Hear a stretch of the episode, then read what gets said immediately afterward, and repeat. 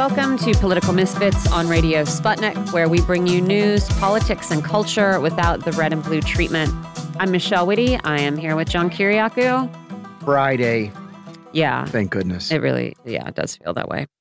Uh, we have got an evacuation order from Israel to move more than a million people in northern Gaza. Uh, they were told you've got 24 hours to get south. That area to be evacuated includes Gaza City and includes Gaza's biggest hospital, which, while overflowing, is still functioning. Yeah, right. And still has very sick people in it.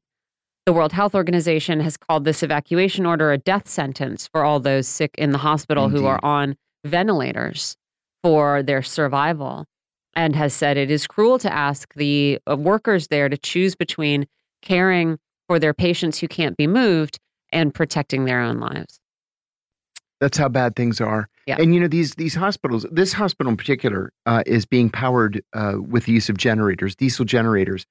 So it's able to have at least a little bit of electricity uh, necessary, not just for lights and, and equipment, of course, but but for life saving kinds of equipment, ventilators, for example, blood pumps, things like that.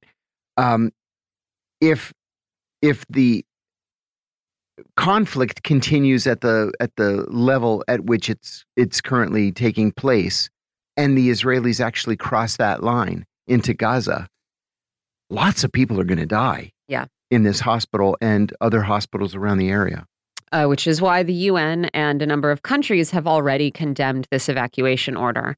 Um, Hamas, on the other hand, is asking Palestinians to stay, which is also not going to take them out of harm's way. Mhm. Um, I haven't seen reports yet that anyone has a complete tally of how many hostages Hamas still has. No. It's just for the last couple of days, it's been like up to 150. right I it, certainly we have not been made aware that anyone knows where they are either. No, I suspect they're all split up. Um, I've seen numbers of 100 to 150. And then yesterday, last night, Hamas said that 23 have been killed in Israeli airstrikes. No idea if that's true or not. Yeah. Uh, we'll talk about all of this in more detail later. We have um, the Iranian foreign minister in Lebanon today, meeting both with Lebanese officials and also the leadership of Hezbollah. Mhm. Uh, we have Anthony Blinken in Qatar, who was just speaking actually as we walked into the studio. I didn't see that Blinken said anything surprising. No. Uh, I don't know that what has come out of the mouths of the Qatari leadership or what they're being asked to do. I mean, presumably attempt to communicate with Hamas is, is the idea here. Yeah. And remember, Qatar is the only country that has actual diplomatic contacts with Hamas. Yeah. And so, you know, as, as small of a country as Qatar is, we're going to rely on them Yeah. to be the middleman here.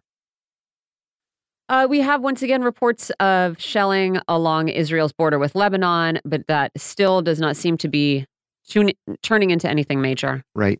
Um, and and from what I have seen coming out of this meeting in Lebanon, it is still sort of the the you know the kind of language uh, that says like, you know, we are watching the situation carefully, and if X, Y, or Z happens, it can only be expected that this will expand. You know, so it's still a Mhm. little bit of a caginess there, uh, which is great, right? Uh, or Yes. we don't know what is anything anymore. Seriously. CNN reports that Israeli tanks are headed toward Gaza. We're going to try and cover as much of this as we can.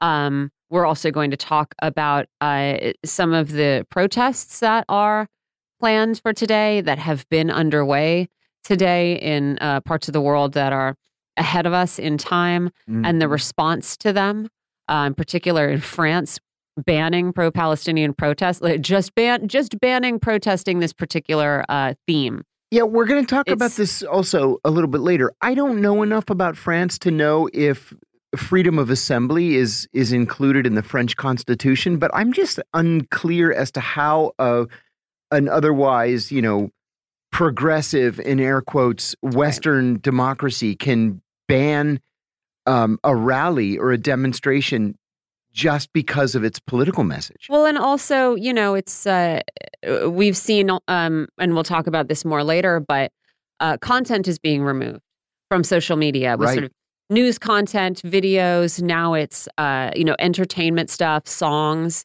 things Mhm. that have been around for a long time. It's not like a here's a brand new here's a brand new offensive take on the current moment. Right? The- these are things that apparently have been fine uh, to publish for 14 years, yes, uh, but now are apparently questions that must not be asked. right. and Can't even ask is- it.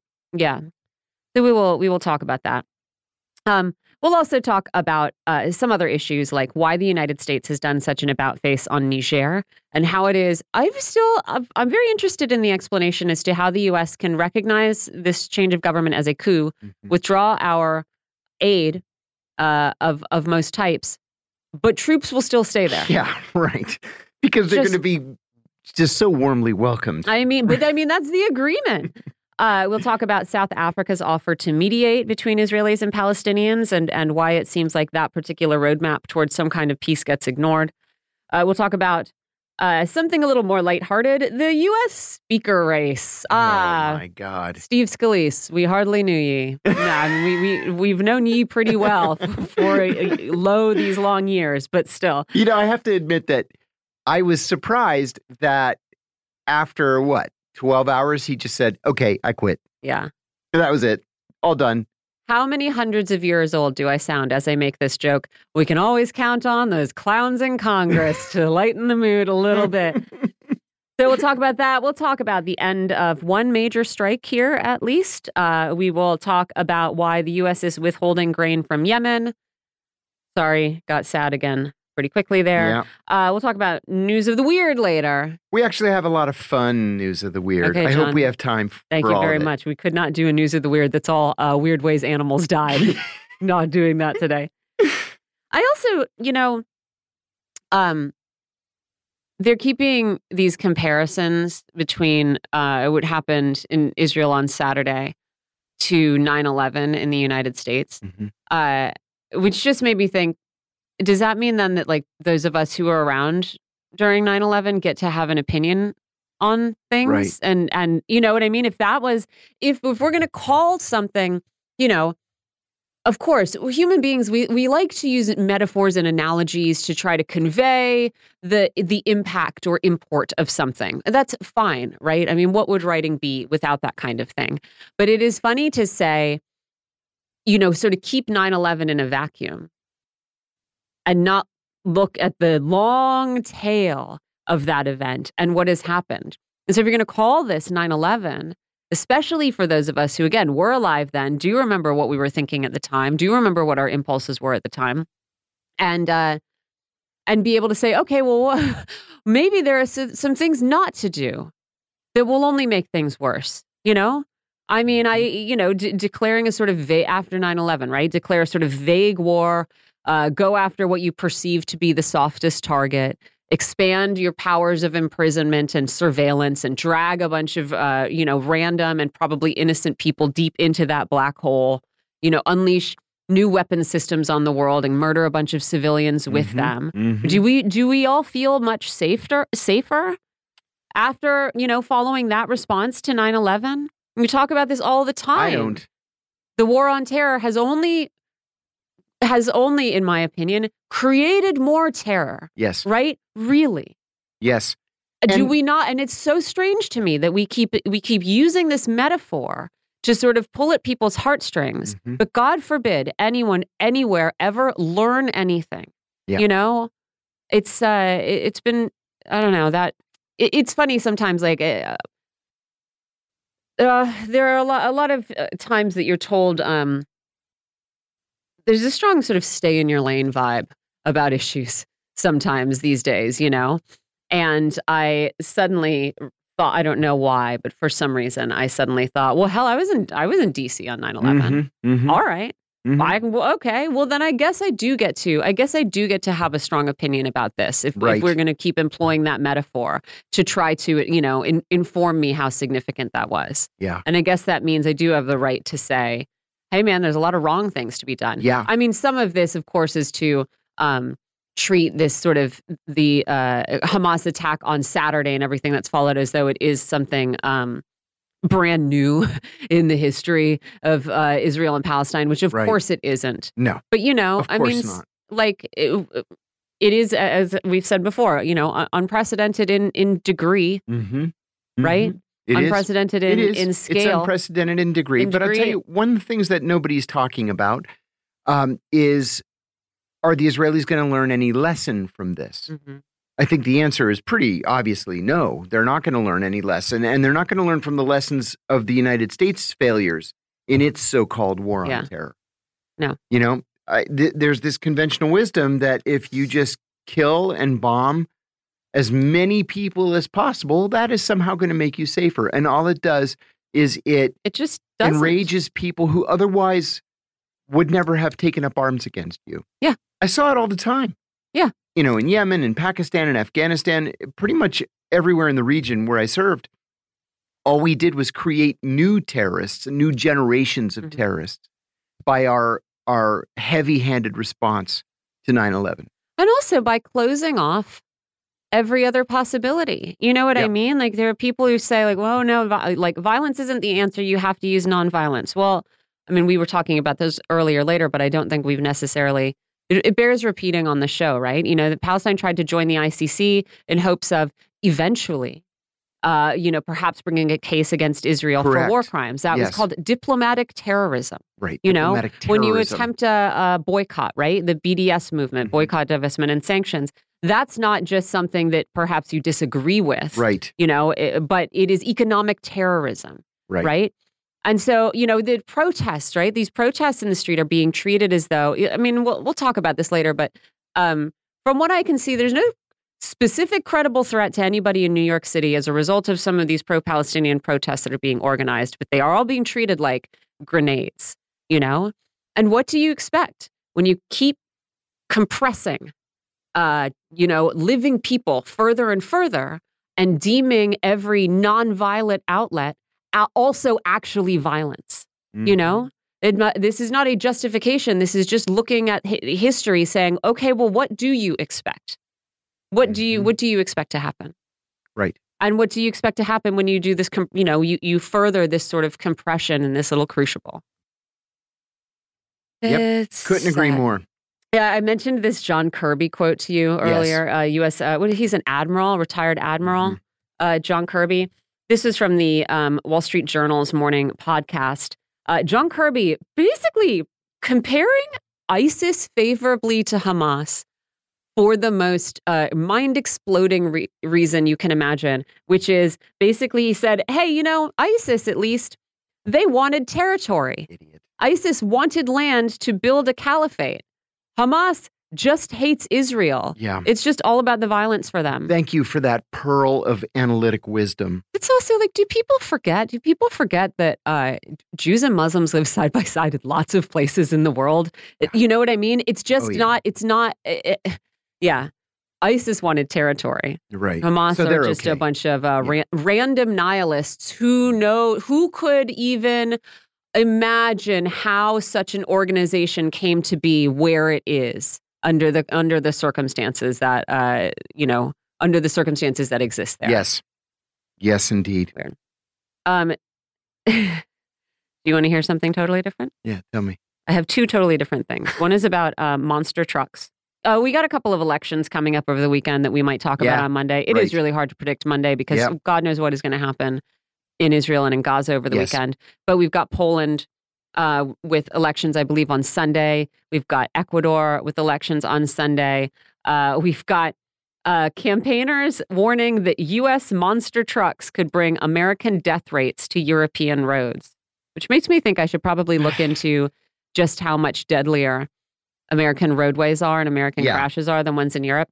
But we do have stupid big cars, We do. really dumb. Sure. And you can have see- them custom You can't made even see bigger. anyone who's like smaller than five feet tall underneath your car.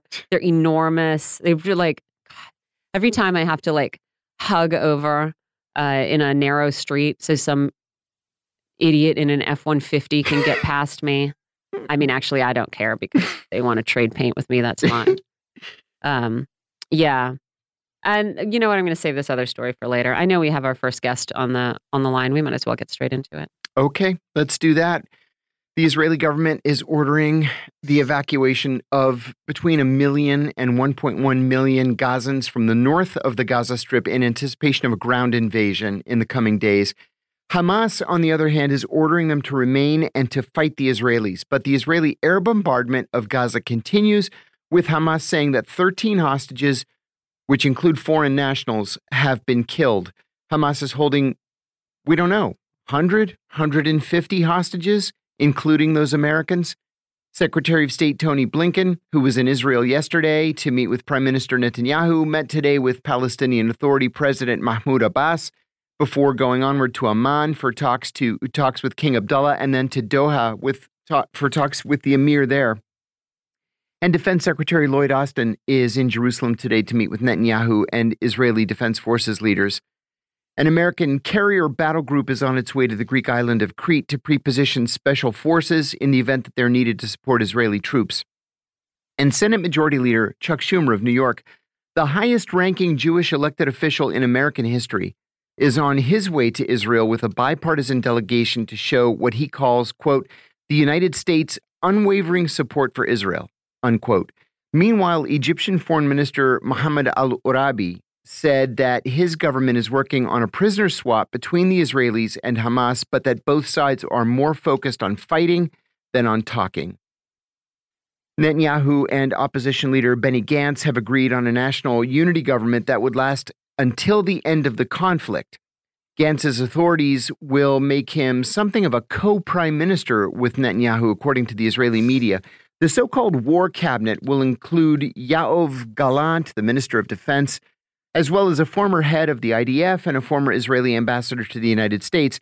There's also something called a security cabinet, which will include the far right figures that have alienated so many Israelis and Palestinians. Elsewhere around the region, Iran's Foreign Minister Hossein Amir Abdollahian is in Beirut for talks with both Lebanese government officials as Michelle said, and with Hezbollah leaders. Hezbollah is, of course, an Iranian proxy in the region, and Amir al Abdollahian said that this morning, if Israeli, uh, if Israel rather does not cease its attacks on Gaza immediately, that Hezbollah and Iraq's pro-Iranian Popular Mobilization Forces would attack Israel, and that there would be a regional conflagration. The Israelis responded by closing off Israeli villages within 10 kilometers of Lebanon and declaring the area a closed military zone. We're going to talk about these developments with Christopher Helali. He is a PhD candidate in philosophy and China government scholar for Sino US cultural communication at Tongji University, and he's an independent investigative journalist. Welcome back, Chris. Thank you so much for having me. I wish it was under better circumstances. Oh, I know. Chris, this just changes by the minute and it just gets worse and worse. The situation on the ground in Israel and Gaza is so fluid and so unpredictable. So let's talk about some of the bigger issues. I want to begin with this Israeli order that a million or 1.1 million Gazans get out of the northern part of the Gaza Strip, presumably because of an imminent Israeli invasion. The United Nations said this morning that it is simply not possible to move so many people, especially when 800,000 Gazans are already internally displaced. Are we going to see a scenario where perhaps hundreds of thousands of civilians get caught in the crossfire of a hot war in the coming days? I uh, I fear so. I fear so. I, I, I think that that is the case. Where are these people supposed to go? This area is completely under siege. It's completely blockaded. Uh, Rafah clause, uh, crossing is closed to Egypt. Uh, the rest of the area is uh, is blocked off by Israel. Has been declared a military zone. Where are all these people supposed to go into the sea? It, right. it doesn't make any sense. And I think that in, in in looking good in front of the eyes of the international community, the Israeli government and the IDF are trying to say, "Oh, we protect civilians. Oh, we're not trying to target mm-hmm. civilians." But where they're not offering a safe corridor. They're not saying we're opening up our territory. No, allow they've not people, even mentioned a corridor. Escape. Right? No, no mention at all. No mention at all. And I think that what the UN uh, officials said yesterday. I mean, we this broke last night here on uh, on the East Coast. And what the UN official said is that this is impossible. Mm-hmm. It's not possible to move 1.1 or so million people in 24 hours. Uh, where are they supposed to? And without fuel, without food, without water, without any sanitation, yeah. without any structures to to house them. Where are they supposed to go? Sleep on the desert? They don't even have tents. Yeah, even if they want just to. shouting "Get out" is not an evacuation plan. Correct. Of course not. And it, in fact, shows uh, such gross negligence and really a violation of international human rights law. I really, I really am so shocked and appalled by this. But of course, we've been here before. Of course, this is far worse than the previous wars on the Gaza Strip. Uh, it's this time, this kind of fury and level of violence. I mean, some reports are saying more bombs have been dropped uh, so far in this operation than in all of Afghanistan during one year. Oh my God! I mean, that's that's shocking. That amount, six thousand plus bombs. I, the people have nowhere to go, uh, and they have no support. There's no humanitarian aid, no no refugee agency um, or humanitarian agency or relief agency has been allowed to get into the Gaza Strip to even provide basic necessities. What about medical supplies? Mm-hmm. People think about people who are disabled, people in wheelchairs, people who can't walk, young kids. How are they supposed to go? Uh, it just uh, it, it's it's so painful to see this in 2023 after everything we've seen in the past, never mind decades, but centuries, and it's as if we haven't learned a damn thing. And that for me is is a crying shame. And it also shows the bankruptcy of international law. Who's going to hold these people accountable? Yeah. Nobody. What what mechanism Nobody. exists to hold them accountable? And, and to reiterate, too, we're talking about a mass evacuation within 24 hours of a million plus people with no food, no water, no shelter, no medicine, and no sanitation. It's just simply not it, possible. It's it's it is impossible. It's horrible. It really is. Chris, the Israelis historically have been very, very concerned about the safe return of Jewish prisoners or Jewish hostages. Uh, we all know stories where the Israeli government has traded a thousand Palestinian soldier, uh, Palestinian prisoners rather, in exchange for one Israeli soldier. Sometimes five thousand for one. Um, Hamas is saying that 13 of the hostages have already been killed in Israeli bombings. Hamas took somewhere between 100 and 150 civilians hostage, including very young children.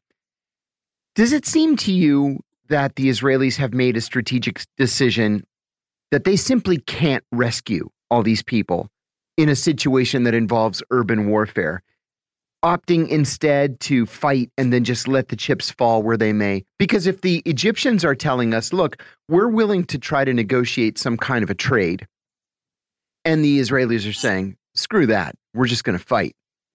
I, that seems to me to be a major policy change where all they want to do is move in and kill as many people as they can listen, in, in previous times, there was a lot of restraint placed on the uh, on the Israeli government.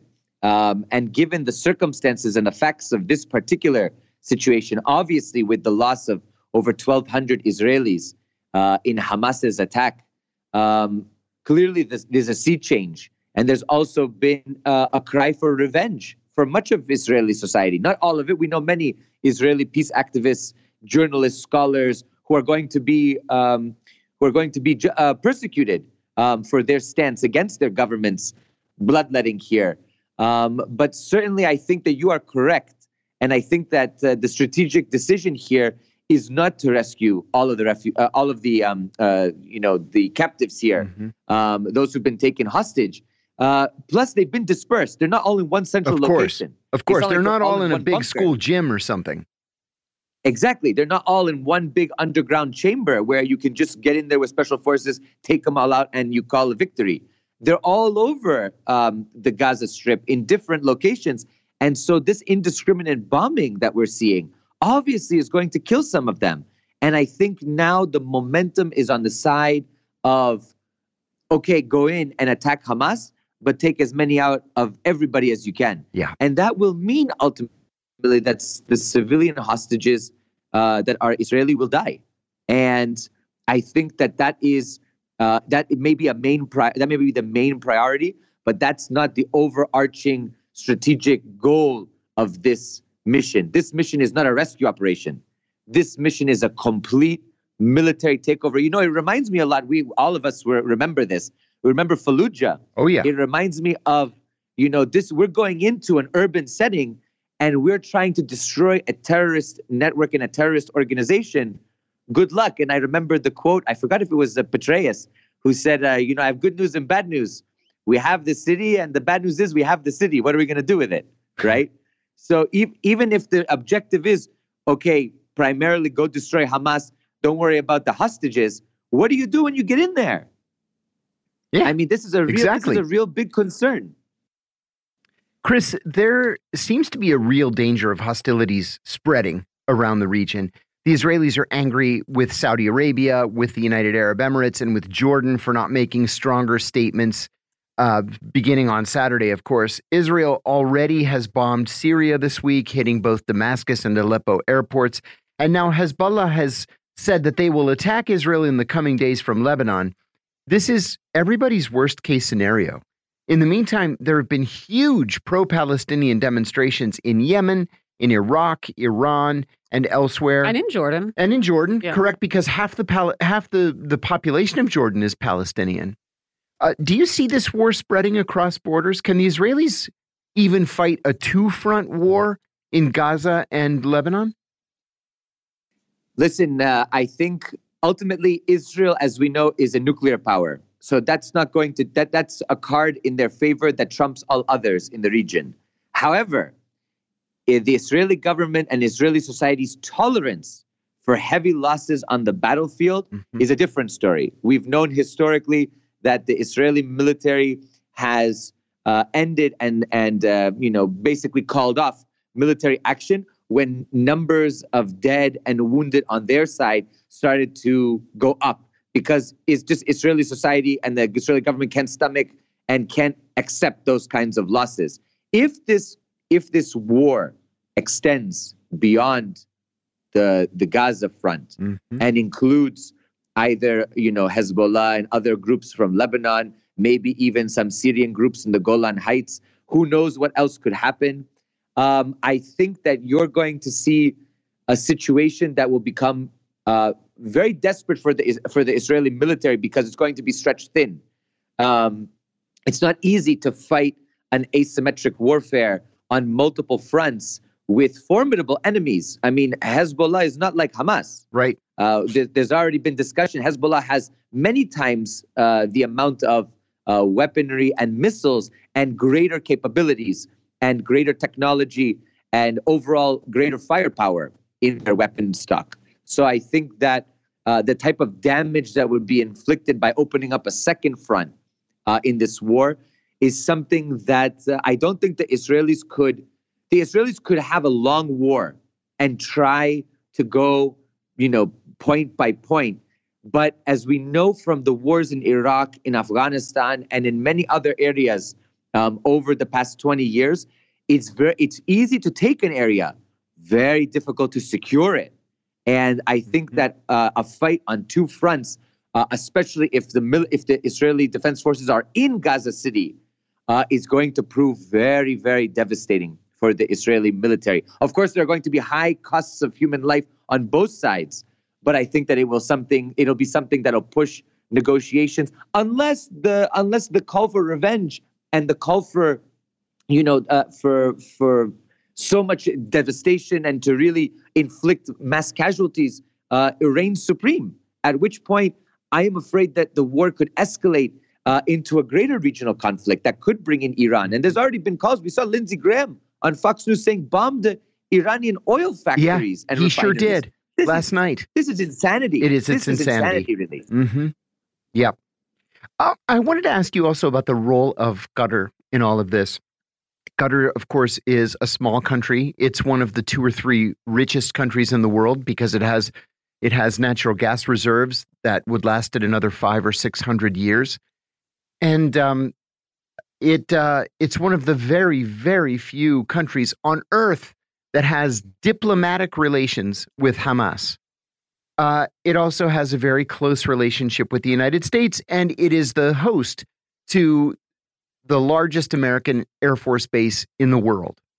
And so today, right now, as we speak, um, Secretary of State Tony Blinken is in Doha meeting with the Emir, the Crown Prince, and the ministers of Foreign Affairs and Defense. What should we expect from the Qataris? What kind of influence, what kind of, uh, of authority do they have over Hamas, if any?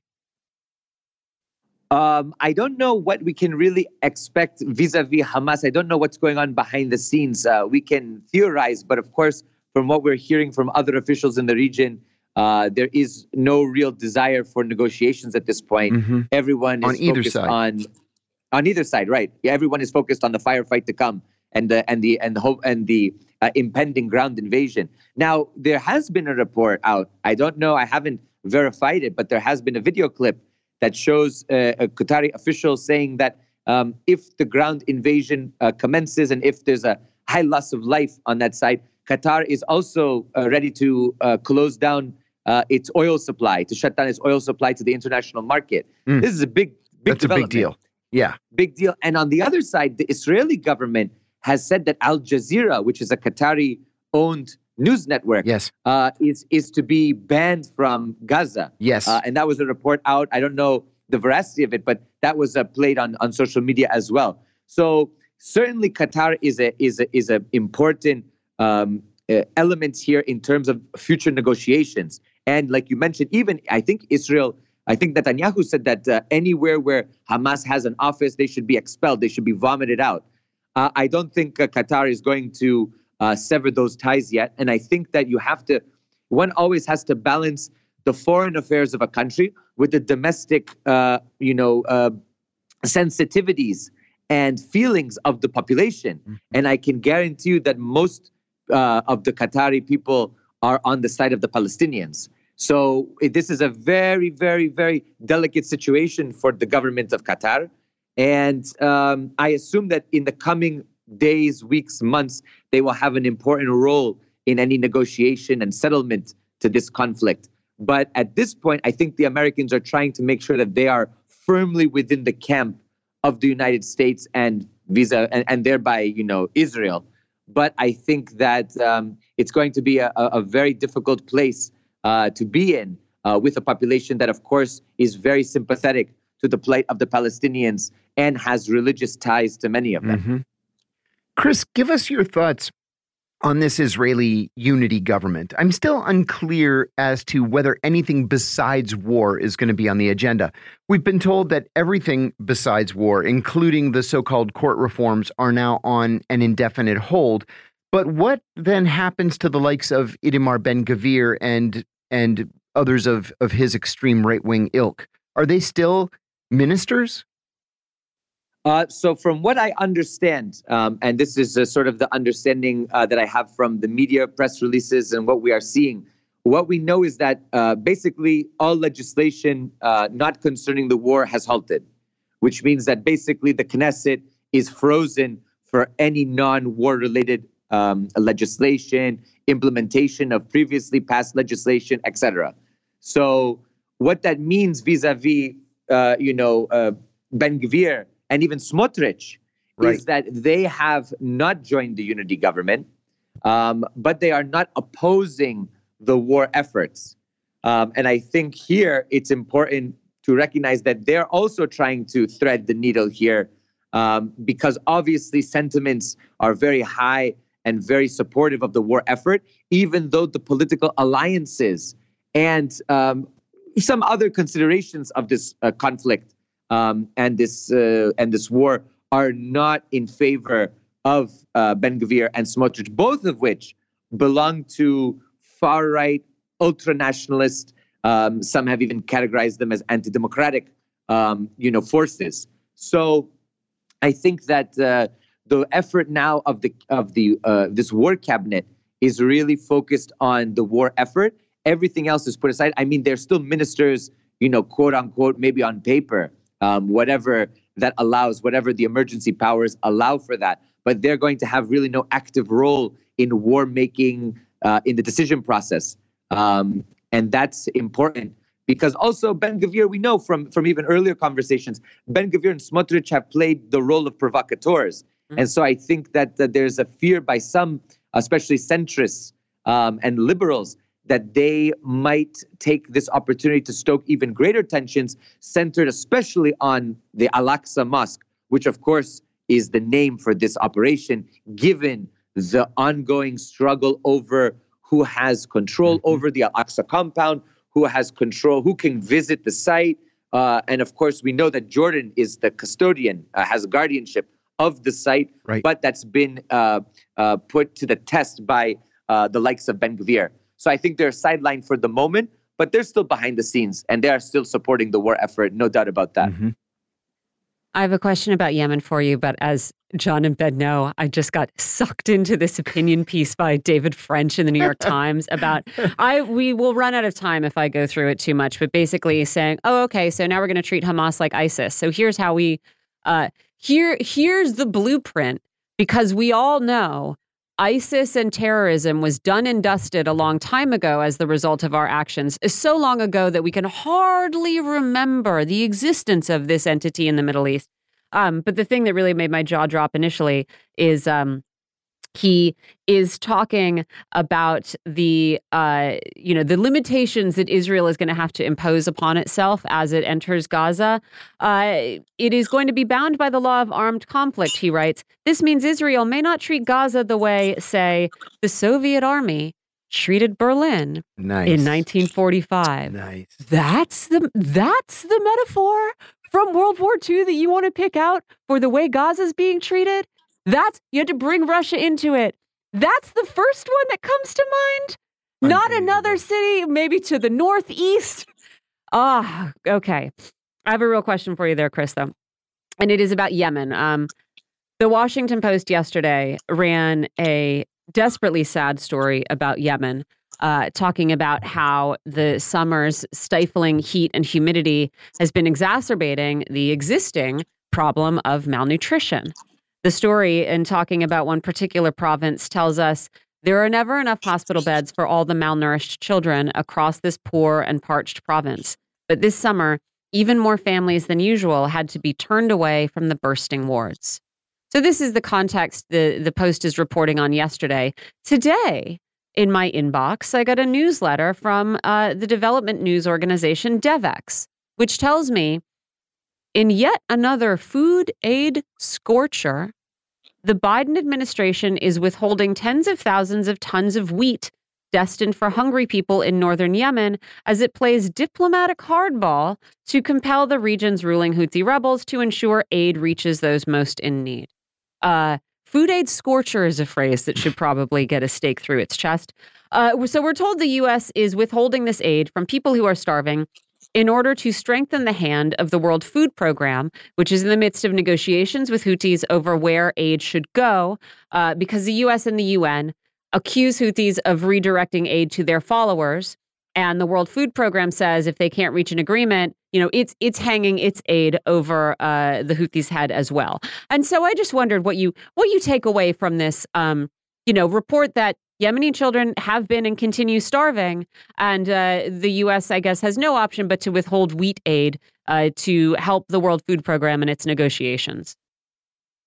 You know, I, think at this point, I always think about, you know, what uh, Giorgio Agamben wrote about in the state of exception that, you know, in these moments of uh, catastrophe and, uh, and uh, tumult, that, uh, of course, uh, the sovereign, those in power, seize on the opportunity uh, to crush all resistance. Mhm. And so this comes not in a vacuum, by the way. It's coming now Mhm. uh, in the midst of the ongoing situation in the region, and at the same time, when Iran was just denied access to the $6 billion agreed upon with the US for medical and humanitarian aid. Uh, and they, the US has told Qatar to block that money, of course, because of the outcry. Mhm. So think about it this way you have this ongoing conflict, you have the Houthis who have been claim, who are you know claimed to be Iranian proxies in Yemen, then you have the blocking of aid um, you know, to to Iran. It's all part of the same schema here, Mhm. and it's part of a it's part of a, an opportunity that the West can now take, especially the United States, to extract as much as possible in terms of concessions or to inflict the maximal pain. Uh, they're not mutually exclusive in this case um, on the people, so that they can suffer even more Mhm. uh, because of the leadership that they have. And I think that this is absolutely horrific. Let's be honest and let's be frank. The West has no moral or ethical footing here if they, at the same time, talk about Russia starving the world and talking about the, the inability of Ukraine to export its grain and simultaneously blocking the shipment of humanitarian aid to Yemen, to, the Mhm. grain Mhm. exports to Yemen, and blocking Iran from getting uh, humanitarian aid from its own money, Mhm. and now agreeing with Israel's blockade uh, and, and, and complete siege. I mean, this shows the absolute bankruptcy and hypocrisy of this sort of moral high ground that the West always stands on. And you know what it proves to me?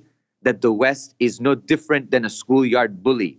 Might makes right, and the bigger stick always governs. Mm. And so for me, it's very disturbing. It's very sad. I feel hopeless and helpless, uh, especially these days. And of course, you know who suffers? The, the, the rich and the ruling elite don't suffer. It's the poor Palestinians, the poor Yemenis, the poor Iranians, the, the poor of all the region who are going to suffer because of the ongoing foreign policy so insane uh, that, of course, enriches the few. And we've seen who's making a fortune? The military companies and the profiteers of the war. And so I really, I, I'm just devastated with this blocking of, of aid. The malnutrition that we know Yemen is one of the hot spots um, and, is, and, and its population is one of the most critical in Yes. terms of famine and starvation and malnutrition. This is devastating. And I think that uh, the world not, not crying for them shows, shows uh, it tells a lot. It does not even words are necessary for that. Christopher Helali, we are absolutely going to come back to you uh, as this thing plays out uh, for more conversation.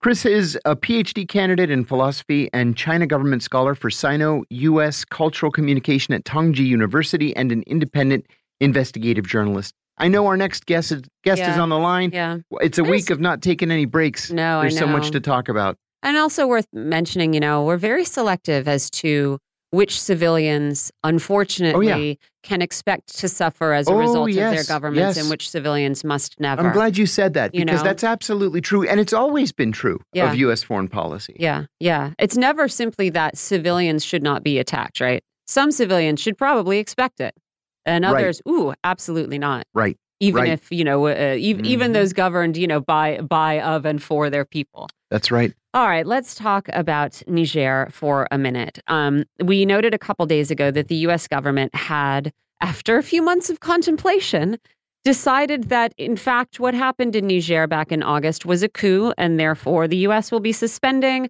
counterterrorism assistance and military training, as well as some other aid programs running, according to the AP, into the hundreds of millions of dollars.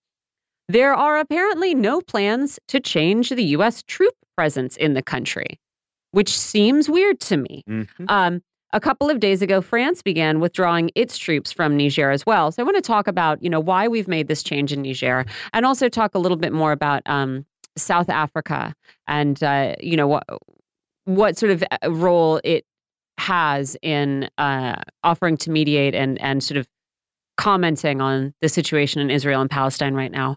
We're joined by editor of the Pan African Newswire, Abayomi Azikiwe, for this conversation. Thanks for being here. Thank you for the invitation. How is it going to work that we are ending aid, ending military assistance, but keeping troops in Niger? I don't understand that. Uh, it, it makes no sense uh, whatsoever, and it shows the uh, complete disarray of the foreign policy of the Biden administration. Either you say it's a coup or it's not a coup. Uh, the fact that uh, the people in Niger have made a decision to embark upon another path, path, that is their decision to make. They have a right to do so.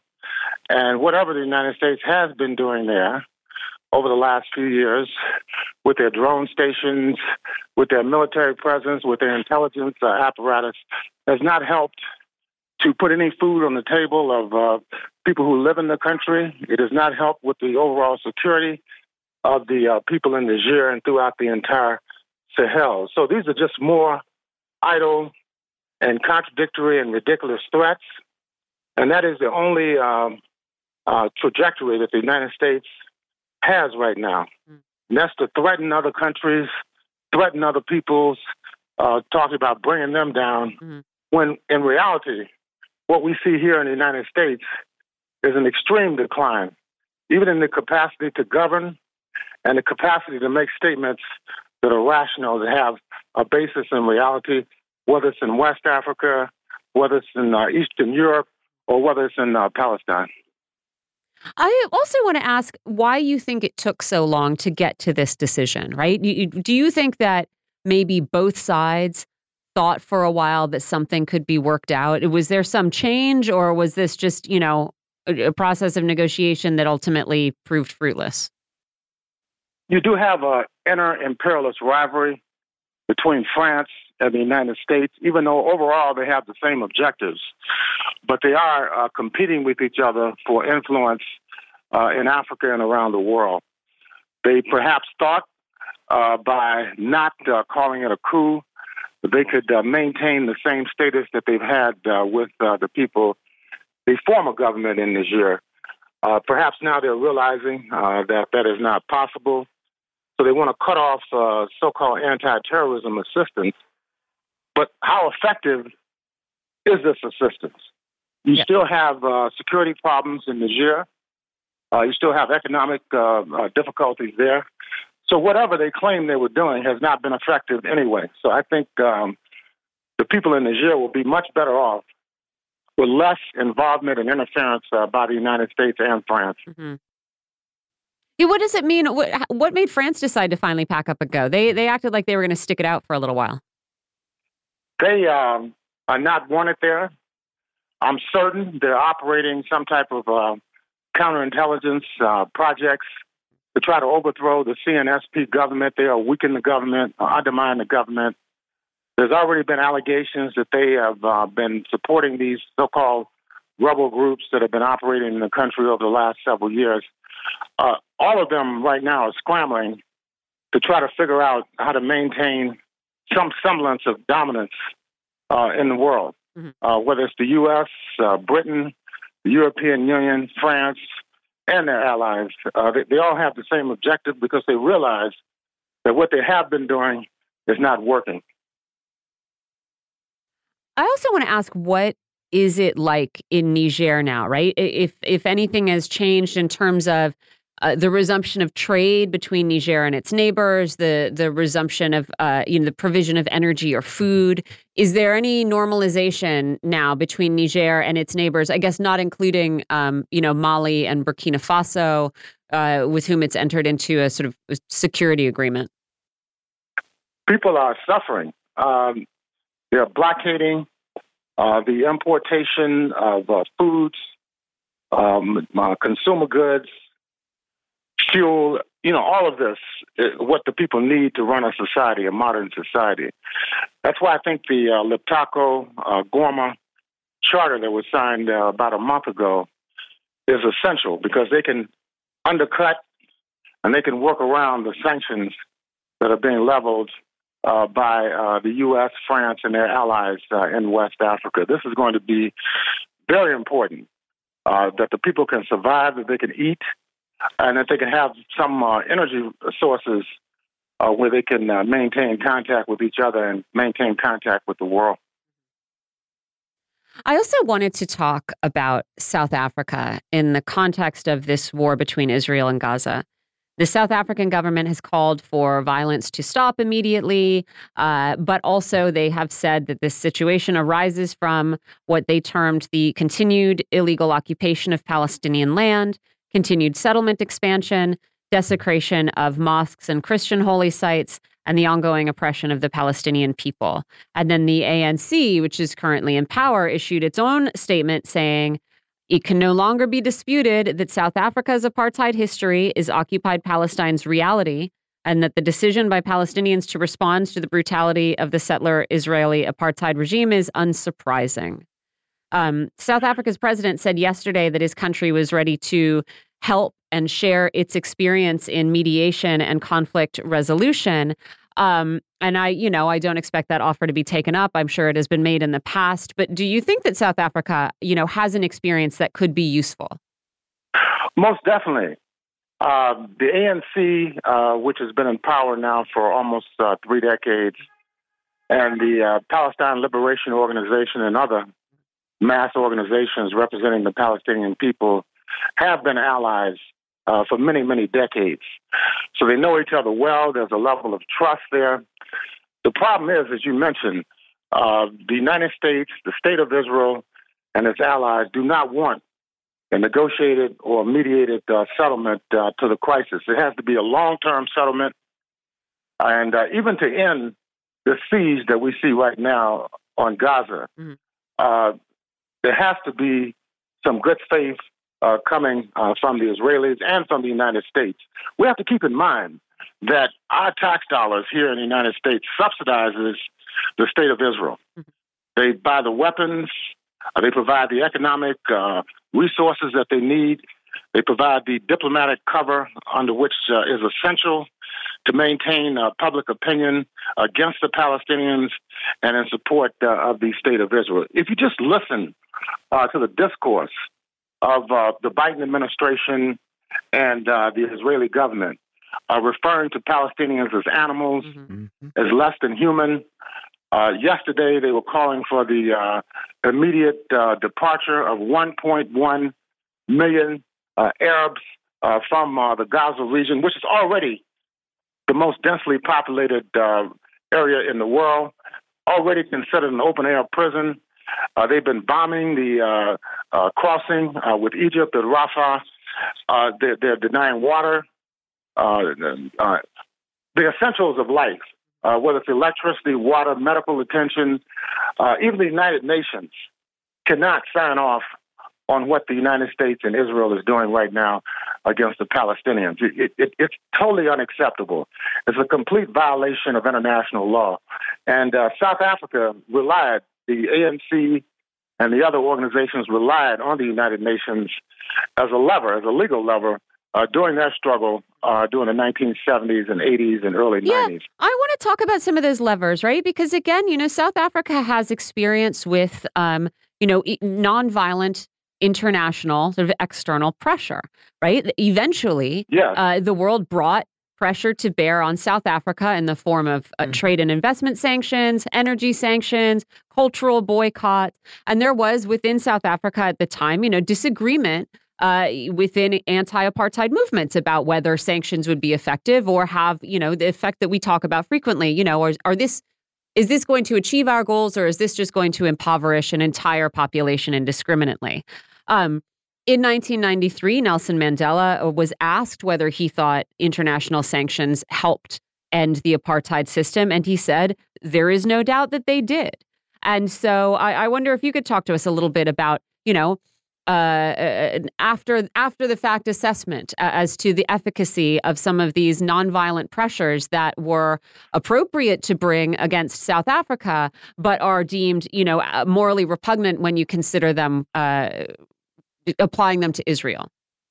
Yes, this is this is the contradiction, and uh, the least the Biden administration could do, and the U.S. Congress is to put a ban on the export of military hardware and technology uh, to uh, the state of Israel as a measure of forcing them uh, to the negotiating table.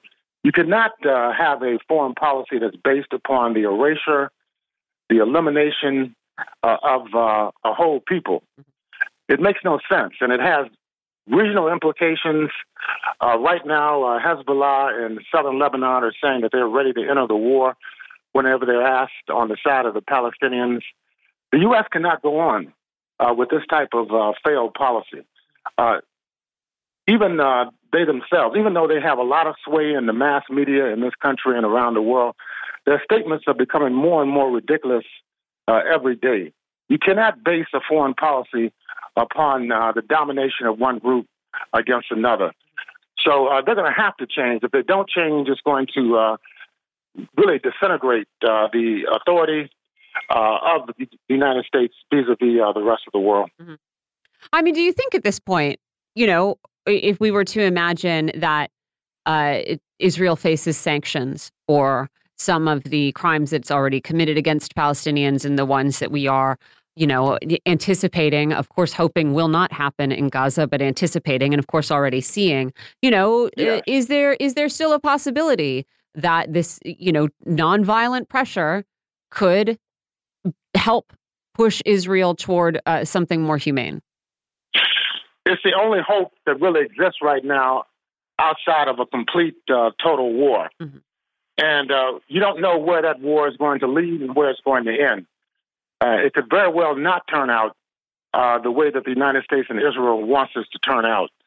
And uh, the problem also is that the Israeli uh, uh, citizens themselves realize that the state of Israel, the the, um, the Israeli Defense Forces, are not capable of protecting them from the violence of uh, Palestinians and others. I mean, that was that's been demonstrated over the last few days.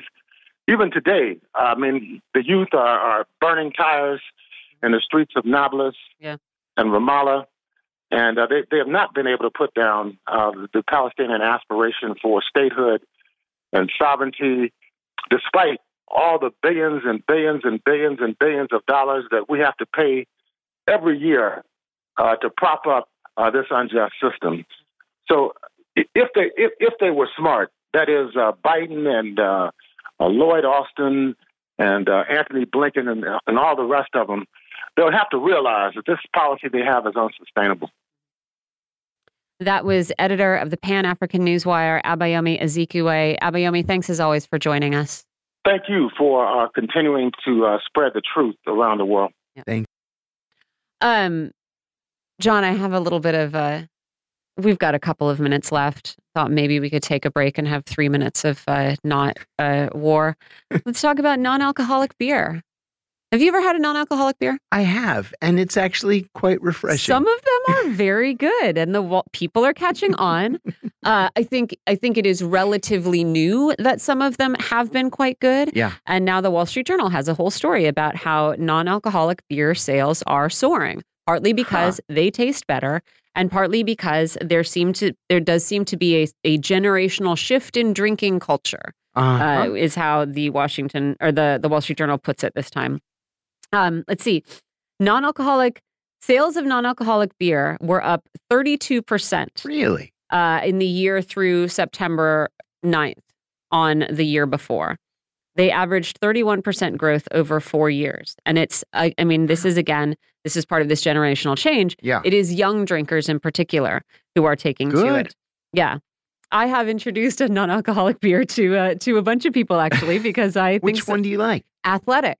I, Everybody I out there is a plug for athletic. It's they make real. They make a whole bunch of different kinds of beer. It tastes really good. They're a, uh, a company based in um, Connecticut, which I only recently learned, but they all ship to you, or you know, better beer stores will have them. But they make just some beers that taste good. Excellent. Yeah.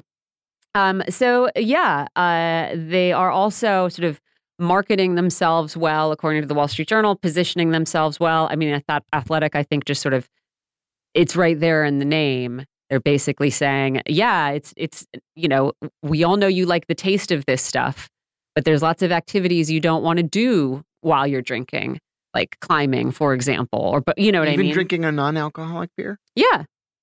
Really. Huh?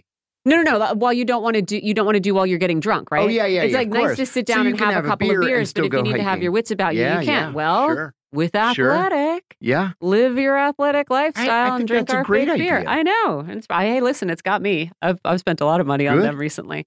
I'll check it out. All right, we're going to take a quick break here and come back and uh, talk more about what's happening in the West Bank. We'll also talk what, about what's happening in the U.S. Congress and at Kaiser Permanente.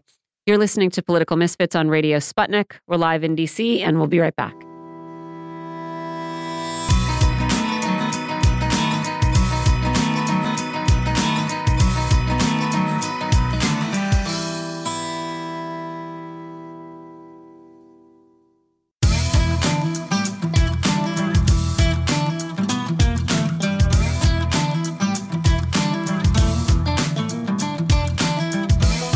Welcome back to Political Misfits on Radio Sputnik, where we bring you news, politics, and culture without the red and blue treatment. I'm John Kiriakou here with Michelle Witte. To the surprise of literally nobody last night, Representative Steve Scalise dropped out of the race for Speaker of the House, plunging the body into even deeper political chaos than it had been. And yes, that's possible. And to make matters more difficult, many of Scalise's supporters are so angry at second place finisher Representative Jim Jordan for not offering a full throated endorsement of Scalise that they are refusing to endorse Jordan if he continues his run for Speaker, which he announced this morning he would do. The conventional wisdom now is that the Republicans are so irreparably divided that it will be impossible to choose a speaker, and so they must instead choose a caretaker speaker who can get aid to Israel and a federal budget passed. There is currently a move afoot to do exactly that with Representative Patrick McHenry, the Speaker pro tempore, taking on that authority. We'll see what happens. A day after members of the United Auto Workers Union walked off the job at the company's largest factory, Ford executives said that the company cannot offer more concessions without hurting future profitability. Ford President Kumar Galhotra said, quote, We've reached our limit. We've stretched ourselves to get to this point, unquote. The union rejected Ford's position, however, saying in a statement, quote, We have been crystal clear and we've waited long enough, but Ford hasn't gotten the message. It's time for a fair contract at Ford and at the rest of the big three. If they can't understand that after four weeks, the 8,700 workers shutting down this extremely profitable plant will help them understand it. Unquote. The strike against Ford, General Motors, and Stellantis currently involves only 22% of the UAW's 150,000 members who work at those companies. This could get a lot worse. In positive labor news, Kaiser Permanente announced this morning that it had come to an agreement with the Service Employees International Union after 75,000 Kaiser employees walked off the job four days ago. The two sides had been at odds for months over pay, outsourced protections, and staffing issues. The strike, although short, was the biggest in the healthcare industry in American history. The tentative deal still has to be ratified by union members, but it is expected to pass. A former IRS employee is pleading guilty to releasing Donald Trump's tax returns to the New York Times. Charles Littlejohn of Washington, D.C., faces up to five years in a federal prison and will be sentenced in January. He also allegedly took the tax returns of Elon Musk, Jeff Bezos, and other wealthy Americans. New York Governor Kathy Hochul and New York City Mayor Eric Adams said that they are beefing up security around New York's synagogues and Jewish community centers in anticipation of pro Palestinian demonstrations. That is great. What's not so great is that the two also are considering ways to ban pro Palestinian marches, and they seem to have the support of some elected officials on the left. That would be illegal, unconstitutional, of course. But French officials yesterday banned pro Palestinian protests after several hundred attended a rally in Paris that was broken up by police. Paris is home to Europe's largest Jewish and Muslim populations. We're joined by author and journalist Daniel Lazare. He's going to help us work our way through these issues. Thanks for joining us, Dan. Uh, thanks for having me. Thank you, Dan. We have a lot to get through, and I wanted to begin with the deepening chaos. There really isn't a better word for it, but chaos on Capitol Hill. The conventional wisdom today is that it will be literally impossible for the Republicans to settle on a speaker. Congressional Republicans all seem to hate each other, and the smallest ideological difference has become just disqualifying. Normally, I wouldn't even care about such an issue, but without a speaker, it's impossible to pass legislation. An Israel aid package is languishing. Ukraine aid package isn't even being considered. And more importantly, there is no federal budget for fiscal 2024. The continuing resolution that was passed runs out on November 15th. And in the meantime, check out this quote from today's Politico. I love this quote. Absolutely not, Representative Ann Wagner, Republican Missouri, a Scalise ally, said when asked if she would vote for Jordan. Yesterday in conference, he gave the most disgraceful, ungracious, I can't even call it a concession speech, of all time. There were gasps in the room. Wagner then recalled another moment that lost Jordan her support. It took place during a private meeting between Scalise and Jordan, less than an hour after the majority leader won the House GOP's internal speaker ballot. Wagner wasn't in the room, but she remained outside in Scalise's office and took in the immediate aftermath. According to Wagner and other House Republicans briefed on the meeting, Jordan said to Scalise, quote, you get one ballot, and when you go down, you will nominate me, unquote. She said Scalise pushed back, arguing that he had won by the conference rules, to which Jordan replied, America wants me, before storming out the door. So, first, give us your thoughts on the state of play in this race for Speaker of the House. it really is amazing. Uh, I've um, never seen anything like it in my life. Yeah. Uh, well, for, first of all, we, so essentially we have we have no house no anymore. It's closed. For the, for the closed for business. Time being. It's closed for business, right? And that means we have no Congress, which means eventually uh, the the executive branch will kind of grind to a halt.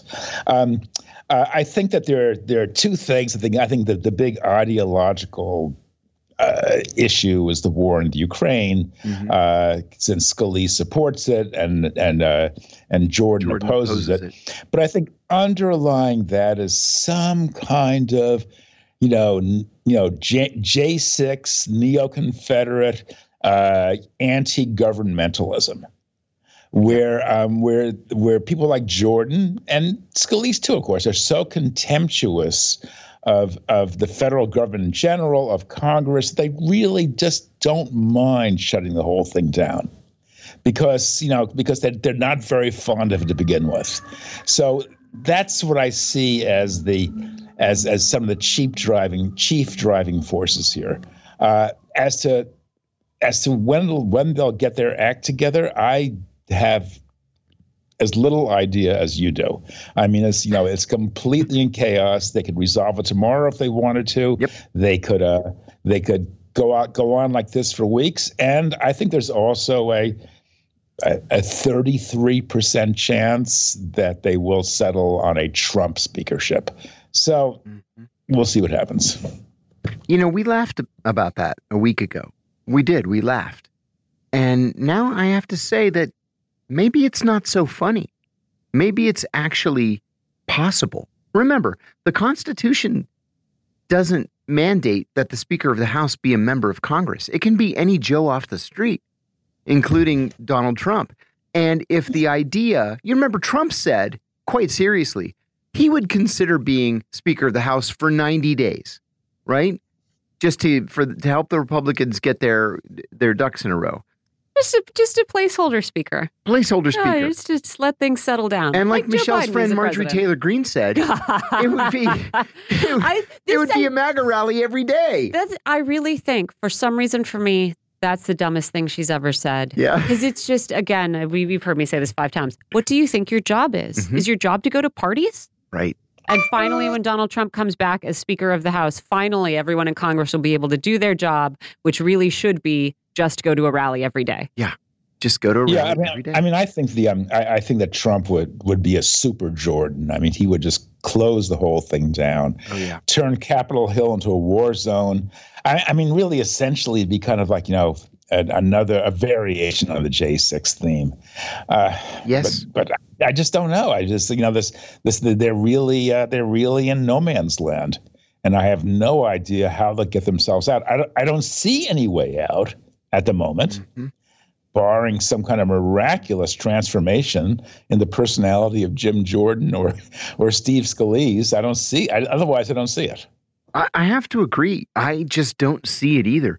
Uh, and you know, I, have always disliked uh, Jim Jordan. I'm I, I, don't care one way or the other about Steve Scalise. He, he, I certainly don't agree with him on the issues, but he seems to be, by all accounts, a nice enough guy, kind of a mainstream conservative. But Jordan, I have a problem with big time. He's he's the founder, one of the founders of the Freedom Caucus. Um, I have a serious problem with what he did at Ohio State that he's never never responded to. Um, and I've realized over the last two weeks that I'm not the only one that feels this way about Jim Jordan. He doesn't have a prayer of being the Speaker of the House. So, two other scenarios are that Representative Patrick McHenry, who's the current Speaker pro tempore, um, could be given the authority solely to pass an Israel aid package and a federal budget, or that the Republican caucus could agree on an interim speaker, either McHenry or Trump or some vanilla candidate to serve as Speaker until January of 2025. Are either of these scenarios likely, do you think? Or do you think that Republicans will eventually settle on Jordan or someone else who's actually in the running right now? Well, I, I, I, think they're. I think. I think likely is too strong a word, word but they certainly are possible. Uh-huh. Uh, uh, the, the McHenry solution is one sort of logical way out, uh, but it just strikes me as somehow just just too rational, uh, too too um, too logical. Uh, and and there's a, and an argument against it is, is, is that if they if they do choose McHenry, they're just kicking the can down the road because they'll go because once his his term, whatever it may be, his 90 days or whatever, uh, is up, they'll be at the same problem, the same, you know, the same uh, difficult uh, position. So, so the answer is, I, I answer is, I'm, I'm not very much help here. I don't know. I don't see any way out of this crunch for the moment. There are some serious labor issues at play in America right now. There are ongoing major strikes across the auto industry, as well as among Hollywood actors. The writers just settled their strike last week, as did 75,000 Kaiser Permanente employees this morning. But today, the CEO of Ford came out and said, no more. That was his quote, no more. That's easy to say, but the truth is that most United Auto Workers union members are actually not on strike yet. So far, this has been a carefully targeted strike where the union is saying, we're going to strike at these three plants, and then they add another plant. And they're encouraging the big three to negotiate in good faith because, God forbid, if they don't, then everybody goes on strike. So, what happens, do you think, if the strike expands? If the CEO of Ford is saying, not only no, but hell no, and the union then expands the strike, then what? And it looks like it will have to be uh, to be expanded because Ford is just no longer willing to negotiate. Well, if it you know if it expands, it expands. Uh, you know, there's you know there's a sort of a, a basic rule in the organized labor: the bigger, the better. Uh, you know, a, a, uh, if, you, if a narrow strike is not working, then broaden it and uh, and bring in more workers. Um, uh, it's a it, it, tends to politicize a strike. I, I, I, would point out that when that when Ford says no way, no how, um, the the executive salaries at, at these companies, like executive salaries everywhere in the country, are just completely out of control. Uh, the GM CEO Mary Barra makes 20, $29 million a year. Mm-hmm. Uh, the Ford CEO Jim Farley makes 20 million, and uh, Carlos Tavares uh, the CEO of Stellantis uh, makes 25 million.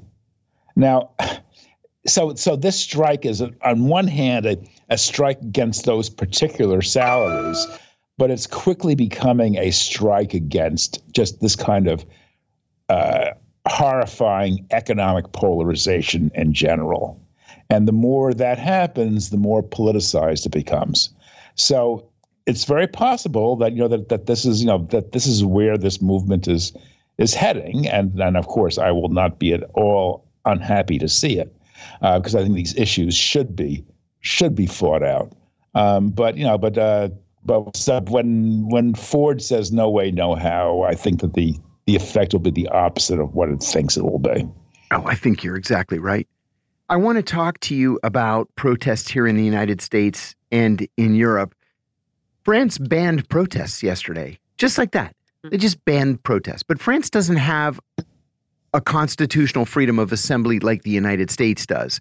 With that said, here in the United States, New York Governor Kathy Hochul and New York Mayor Eric Adams are exploring exploring ways to ban demonstrations, especially pro-Palestinian demonstrations. Is it possible for them to do something like this legally they certainly have complained loudly enough since last weekend's uh, pro Palestine march. What do you think? Uh, legally, constitutionally, I would think it's quite clear they can't. Yeah, that, I mean, that's that, what I would think. That's, that's the way it appears to me. Uh, you know, but the law has a lot of, you know, a lot of a lot of play in it, a lot of flexibility. But uh, to me, there's there's there's that there's one thing, one one right, which is clearly, you know, uh, stated in the in the U.S. constitutional structure that is the right of free speech and free assembly, uh, and so I I can't see how they can do it, and of course they they shouldn't do it.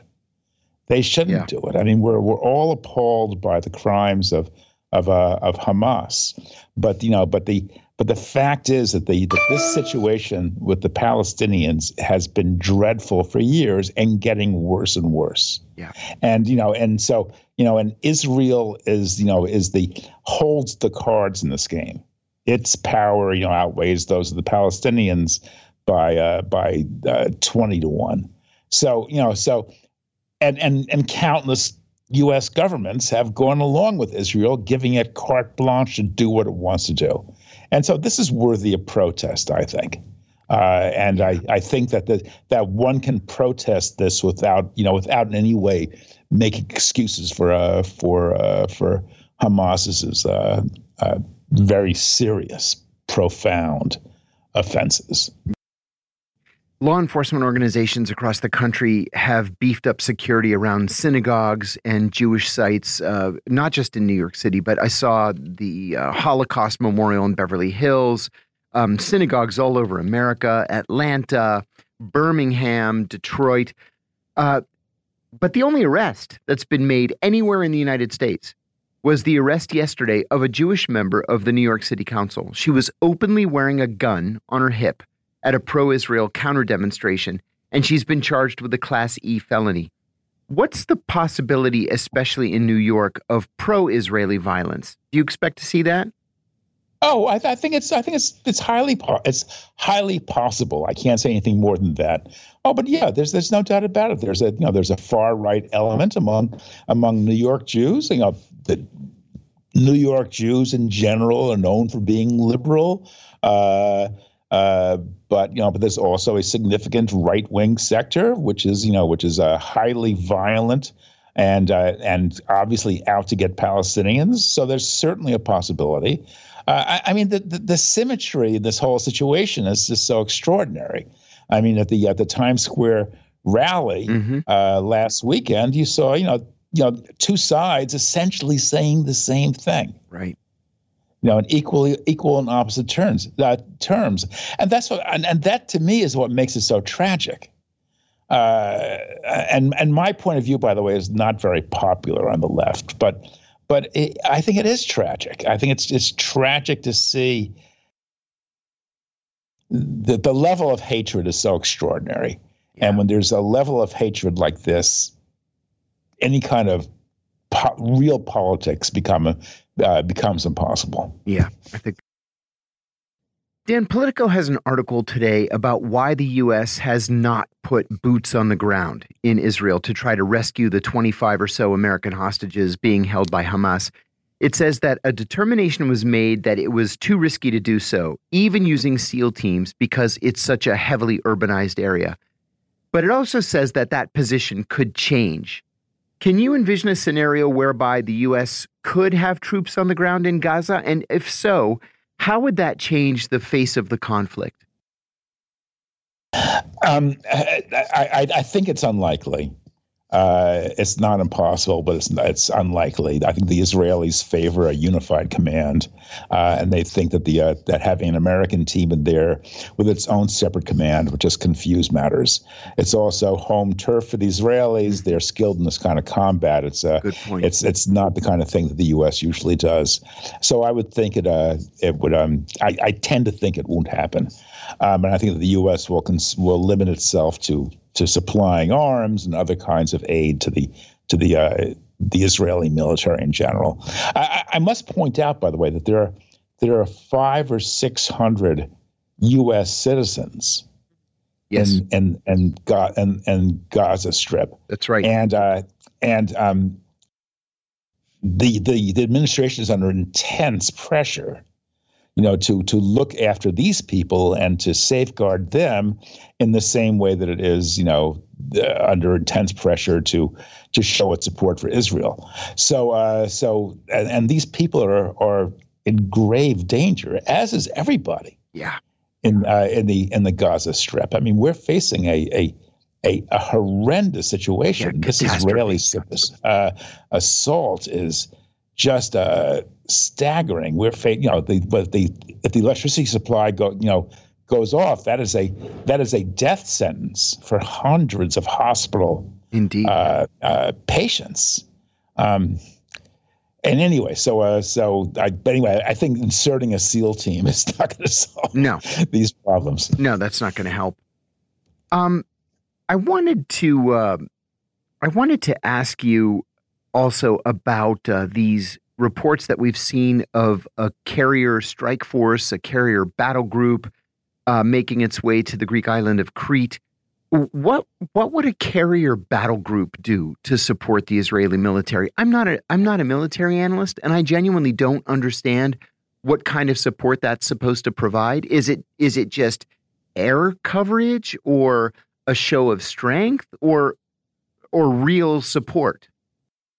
It's only real support if the if the war widens to include uh, uh, Hezbollah Yeah. in, uh, in, in Lebanon. yeah, right. uh, or some kind of assault on on Iran.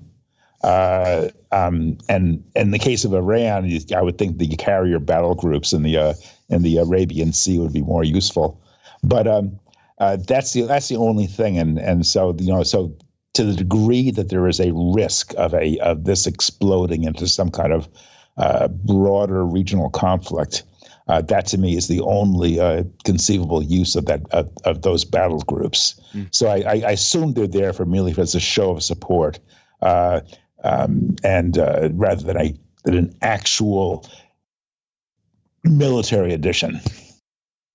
I don't want our listeners to think that only House Republicans are in a state of disarray. What? Yeah, believe it or not, Senate and House Democrats are also at each other's throats today. I did see there were reports of name calling. earlier. Name calling. I'm going to get into the specific name calling. Oh. Most of it's over Israel and Gaza, of course. Democrats have been much more willing to speak out on the issue of Palestinian human rights than Republicans have. But a meeting of the House Democratic Caucus yesterday almost ended in fisticuffs when a New Jersey Democrat condemned a Pennsylvania Democrat for not condemning Hamas. She actually had condemned Hamas. The New Jersey Democrat didn't realize that she had. Mm, But she had also called for Israel to respect the human rights of all Gazans. A Texas Democrat came to the Pennsylvanian's defense, saying that the New Jerseyite was, quote, talking crap, although he didn't say crap. Mhm. And the raised voices caused all of the members of the so called squad to get up and walk out because they didn't want to be lumped into this. It's different on the Senate side, where the split is actually over what to do about Senator Bob Menendez, who, along with his wife, has been charged with four felony counts of bribery, conspiracy, and as of yesterday, failing to register as a foreign agent. Sen- Senator John Fetterman of Pennsylvania yesterday called for Menendez to be expelled from the Senate. That is something that has not happened in the Senate since 1981. So, before I ask you to give us your thoughts on the Democrats in the House and whether there really is a split over Israel and Gaza, I want to read you something from today's New York Times. And this is how the article begins. Quote, What else can the love of my life do for you? asked Nadine Arslanian, the girlfriend of Senator Bob Menendez. She posed the question at a, at a cozy dinner at a steakhouse in May 2019 and attended by General Ahmed Helmi, Egypt's top spy in Washington, the chief of the Egyptian intelligence service station. The discussion was revealed in a federal indictment on Thursday. As General Helmi would come to find out, even if Miss Arslanian and her soon to be husband were not always able to deliver what Egypt wanted, they at least seemed to try very hard. And to do it with romance and passion. They And I'm looking forward to that. Bob Menendez is 69 years old. yeah, I'm. I like to see good for him. old people loving it up. There you go. Uh, old, older than me. older. The indictment charged Mr. Menendez, a Democrat of New Jersey, and his now wife with conspiring to act as agents of the Egyptian government. The document, in addition to other indict- another indictment made public uh, last month, paint an unseemly picture of how the couple advanced Egyptian interests on numerous fronts. He has not been convicted of a crime, but this indictment's pretty damning. Is that worthy of expulsion? To, to me, no. I I, I hate FARA. I do uh, too. the I hate it. Agents, uh, Re- Foreign Agents Registration Act. To me, it is a it is like a, a walking invitation for you know for political usage. Yeah. Uh, I, I, mean, how many co- members of Congress or the Senate have sat down with Israeli diplomats and have said, "What can I do for you? You know, tell me. You know, I'll I'll do whatever I possibly can." I there they must number over the years in the in the in the 100s mm-hmm. uh, you know, and so so it's it's it's a it's an invitation to selective prosecution. So Egypt is is not all that popular in Washington, so therefore it's a tempting target. But I mean, this this happens. All first of all, number one, these these people on Capitol Hill. Uh, I hate to shock you, but they really are just like wheeler dealer prostitutes. Oh yeah, and they are. They, sure, they, they are. The business of doing of doing deals with anybody they possibly can, you know, with anything that can feather their own nest. Uh, number one, and number two, the fact that he did something with with Egypt does not strike me as as terribly shocking because I know that that others do it with other countries like Israel or Taiwan or countless mm-hmm. others, mm-hmm. you know, with equal abandon. So it just strikes me as as unfair and inequitable. I mean, not that I'm condoning it, of course. Uh, one last question. What about Democrats in the House on on Israel Palestine? Is this is this a serious conflict, or could it build into one? Yeah, it could. It's it's it is serious, definitely. Yeah. I mean, we, we, we you know it depends how long this war goes on, but yeah, there there are deep fissures in the Democratic Party over this issue. Yes. Uh, and um, and you know, and and and they they they many of them go along racial lines. Uh, you know, this is a, to a certain extent a uh, a color issue, if I can use that use that term. Uh, and uh, and many people uh, in this country on Capitol Hill, uh, many black people, many brown people, just view the whole thing a bit differently. They are just intrinsically in their gut more sympathetic to the Palestinian side. Uh, and this, you know, and with talk about banning protests, this is a this is an explosive issue. So yes, this could this uh, could definitely have an impact on on the Democrats. Yeah. Uh, you know, and, and and the problem is like you know is, is, is that the the neocon wing of the Democrats have been so outrageously, outrageously one sided on this issue, and that goes for for Biden as well. It's true. I mean, Biden first and foremost. I mean, his speech uh, the other day, you know, you know, ex, you know, expressing outrage over Hamas uh, Hamas crimes uh, without mentioning, even sparing a single word for Israeli offenses or for you know for the plight of of Palestinians in the in the uh, in the in the Gaza Strip was shocking. Mm. So yeah, so so so there, this this issue is potentially explosive for mm. Democrats. Dan, uh, tell us what you're working on these days. Oh, uh, these days I'm working on a uh, I'm reading a new book by uh, Steve uh, Levitsky, uh, who's the author of uh, How Democracies Die. He has a new book out called uh, um, called Minority Minority Dictatorship of the Minority, which is a look at the American political structure and and and how it's turned from a democracy to the opposite. So I'm reading that, and I'm thinking of writing on on that topic.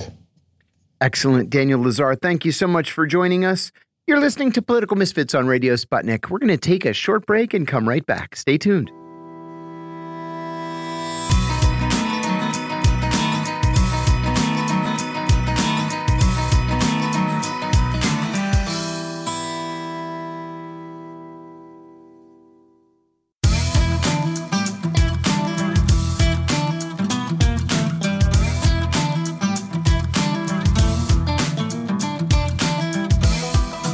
Welcome back to Political Misfits on Radio Sputnik, where we bring you news, politics, and culture without the red and blue treatment. I'm Michelle Witte. I'm here with John Kiriakou, and we wanted to take a minute to look at what is happening in the West Bank, mm-hmm. which has, of course, uh, seen some focus drift from it as Israel and the world turns most of its attention to Gaza. Uh, but while we were looking elsewhere, earlier this week, Israel's national security minister announced that his ministry was purchasing 10,000 rifles to arm civilian security teams, specifically those in towns close to Israel's uh, borders around the country, as well as in mixed Jewish Arab cities and in West Bank settlements. The rifles had reportedly already been acquired at the time of his statement on Tuesday, so it's likely they've already been distributed. Uh, and I wanted to talk a little bit about what that's going to mean in the West Bank, uh, what conditions people in the West Bank are, are living under right now, and uh, I don't know why the, why the situation there didn't again do a little more to clue people in that something very serious was coming. That's right. Yeah. We're joined by Mnar Adley. She's founder and executive director of Mint Press News. Thanks for joining us, Mnar. Thank you so much for having me. So, what are these civilian security teams that are that are going to be armed? And also, if, if you're talking about civilian security teams that are in you know towns that have both Arab and Jewish populations, does that mean that there will be mixed security teams as well? No, it doesn't mean mixed security teams. In fact, Palestinians perceive um, these settlers that are now being handed uh, rifles and guns as uh, pogroms. And as we've seen in the past in Jerusalem in the last three years, um, these Israeli settlers are being handed guns to them, whereas Palestinians uh, are not allowed to have any weapons. It's actually illegal for them to hold um, any sort of weaponry or guns. And these Israeli pogroms are being uh, backed uh, by people like Ben Itamar Ben Gvir, um, who's an extremist uh, settler calling for the annihilation of Palestinians. Uh, they're being backed and supported by the Israeli military, uh, by the Israeli police. In fact, oftentimes escorted by the Israeli military and Israeli police um, when they go through Palestinian neighborhoods and start uh, firing at unarmed Palestinians. And I actually have uh, family in the city of Hebron, um, and they notified me just in the last two days that schools have shut down um, people are not really going to work. The streets are empty. Palestinians are basically in hiding in the West Bank. Um, they're not leaving their homes or staying away from windows. And they even, I was talking to them on WhatsApp, and they were showing me that they don't even go near the window because they're afraid of these uh, Israeli settlers. And they're fully aware that these settlers are being handed over 10,000 guns. And they view this as incitement uh, by these settlers who have a very um, hateful and racist and uh, quite honestly, a very genocidal perspective about Palestinians in that they need to be eradicated.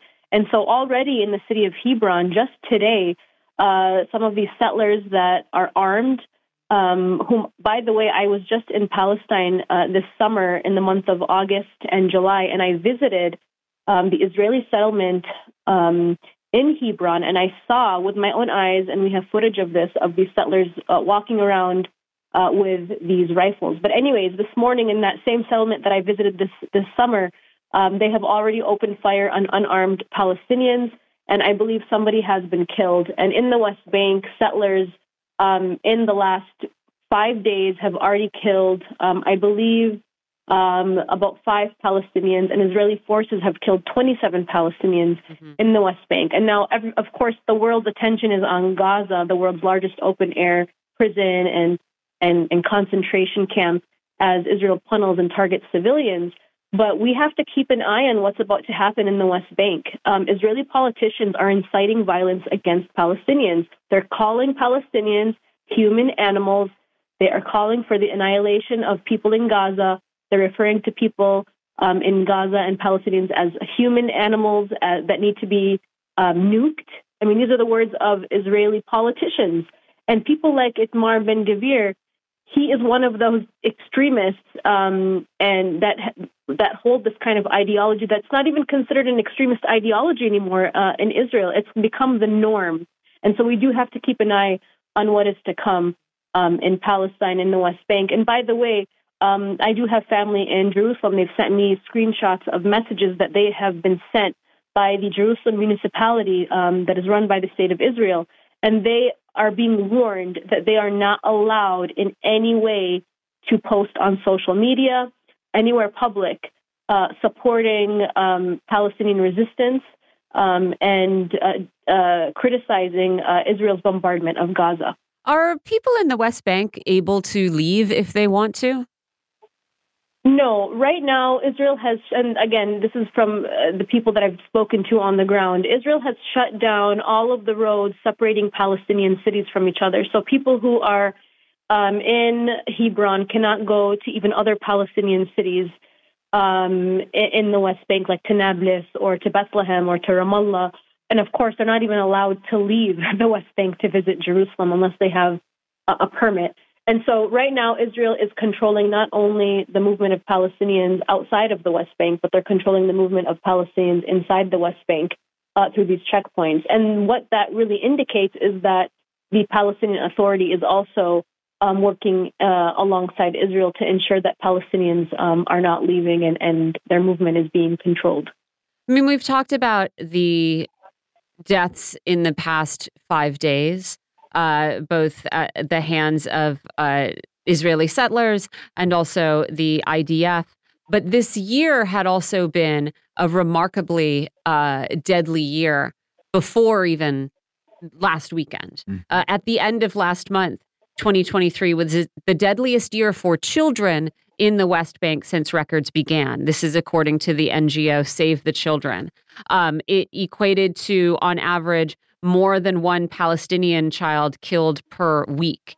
Uh, it was something, I think it was 38 children. Somehow I neglected to put, I deleted the actual figure. Uh, six Israeli children had also been killed by that point uh, this year, end of September. Um, more than 200 Palestinians, uh, you know, those children included, had been killed by Israeli fire in the West Bank this year. More than two dozen just in the past week. More than 30 Israelis had been killed by Palestinians. I mean, it was it, undoubtedly things were at an incredible boil before this attack by Hamas. And I, I wonder if you think, I don't know, is there any reason for this other than, you know, the steady application of pressure eventually something had to had to give exactly. and, and should we have known something was going to explode? Well, and uh, today I actually just released an explainer uh, res- which would respond to your question uh, in in detail. And I go over how what we saw happen on October 7th was not an unprovoked attack.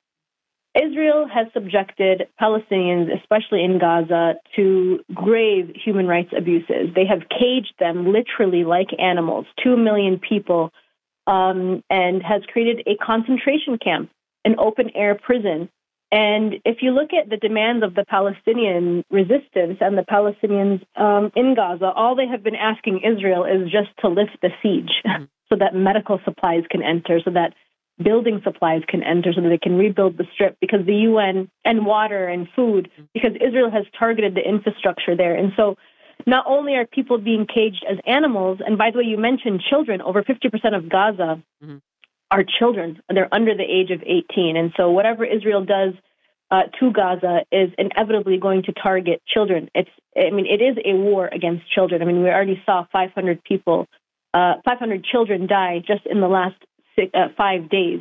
I mean, it's disturbing. And so violence is now the language of the war because Israel has subjected Palestinians uh, to that language uh, for over 70 years through its occupation and ethnic cleansing of Palestinians.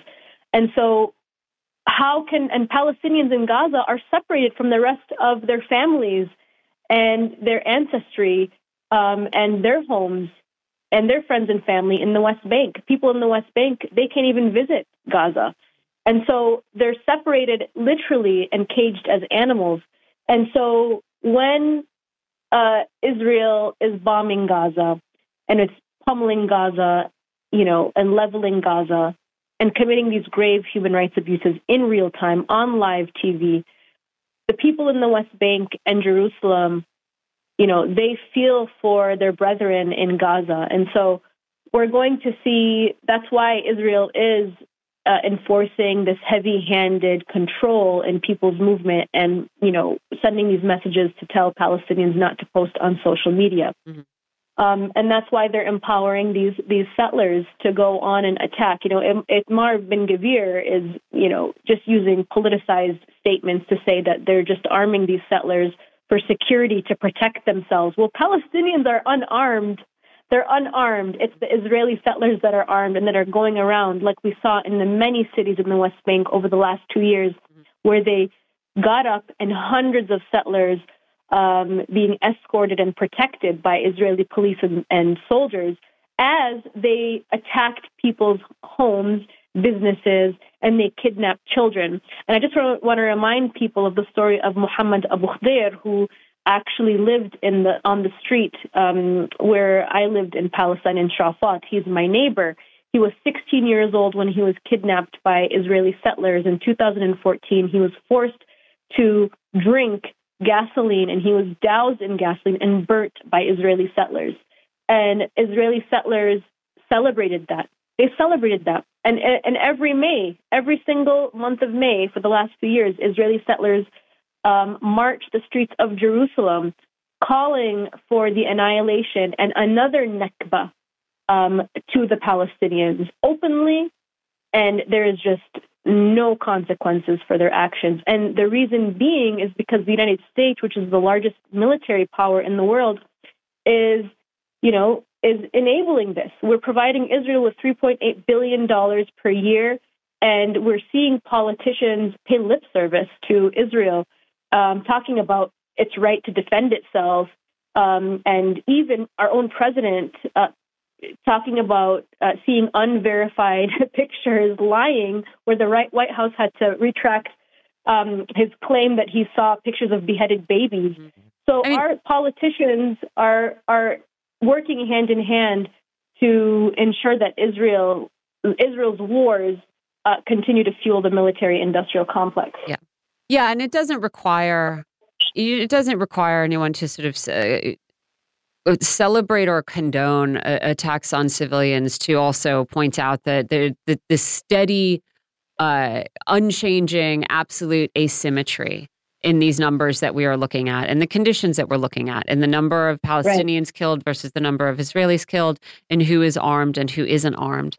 Uh, I wanted to ask also before we let you go uh, about, you know, on the topic of social media, I saw first on Mint Press and, and then went and confirmed that a bunch of videos of rapper Lowkey performing his song Terrorist. That's terrorist with a question mark.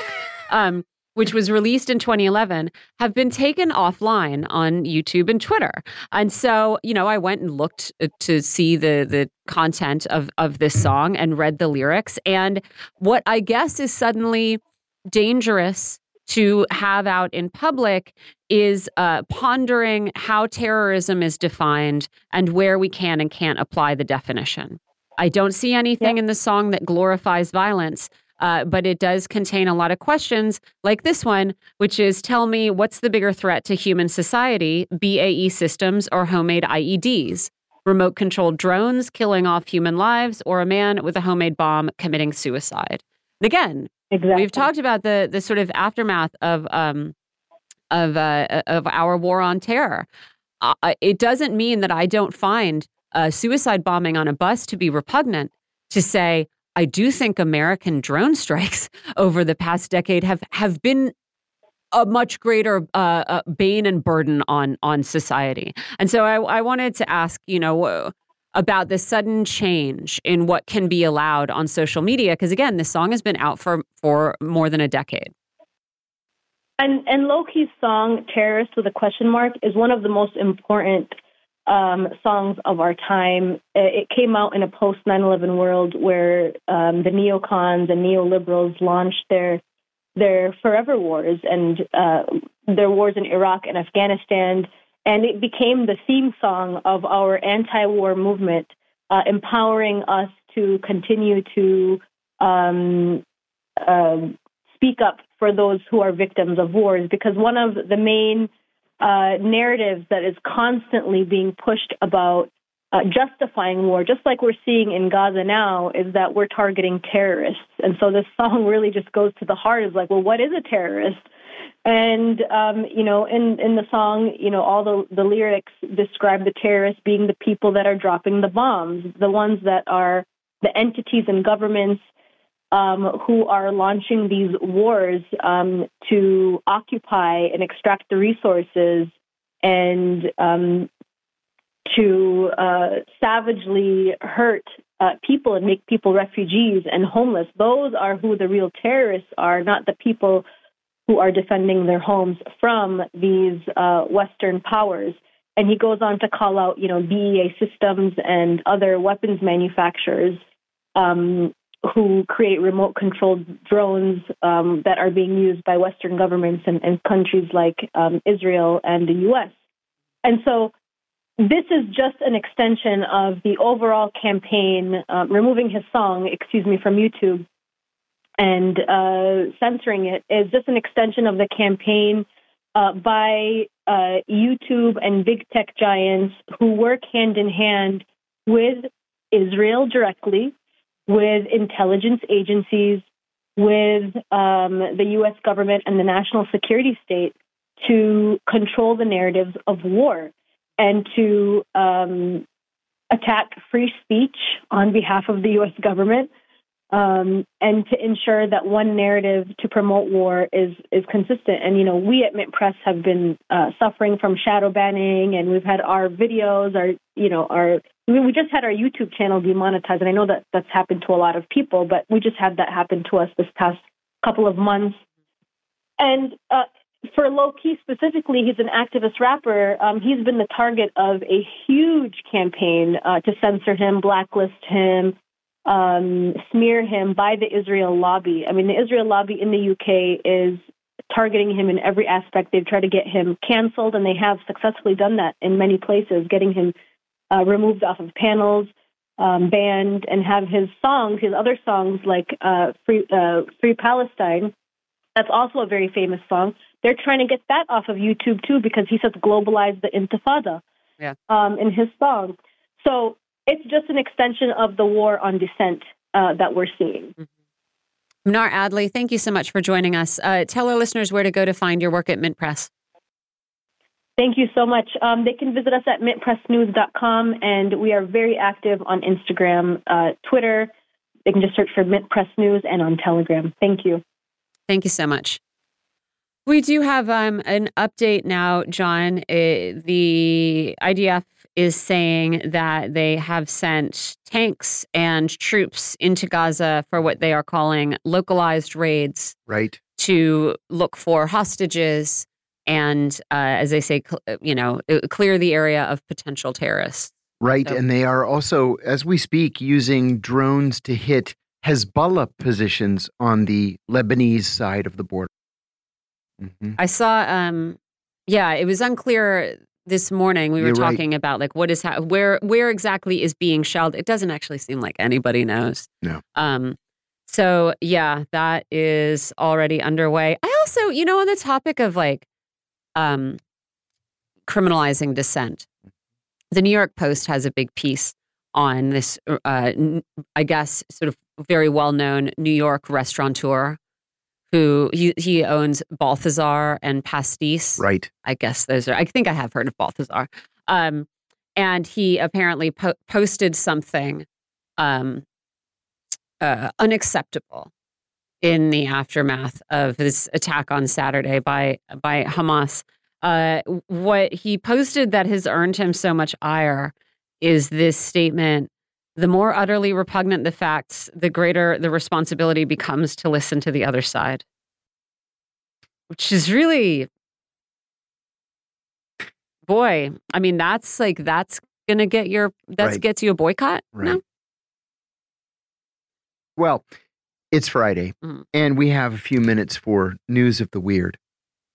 The first one I want to mention is from today's Washington Post. This comes from Walker, Louisiana, small town in Louisiana. Hmm. There's a, a girl, a senior in high school, who is the senior class president. And she apparently has, you know, a near perfect grade point average, a ridiculous amount of volunteer work, extracurriculars, the oh, perfect nerd. The, the, yeah, the, the perfect Just nerd. kidding. Lovely. Yeah, no, good for her. Yeah. Uh, her name is uh, Kaylee Timonet or Timonet however you say it. She may be Cajun. And um, after uh, after school the other day, she went to a party that had a DJ, and she danced at the party. Okay, okay. no is big Kevin deal. Bacon is Kevin Bacon moving to this town? It's because something's close. Okay, because I can't wait. She danced at the party.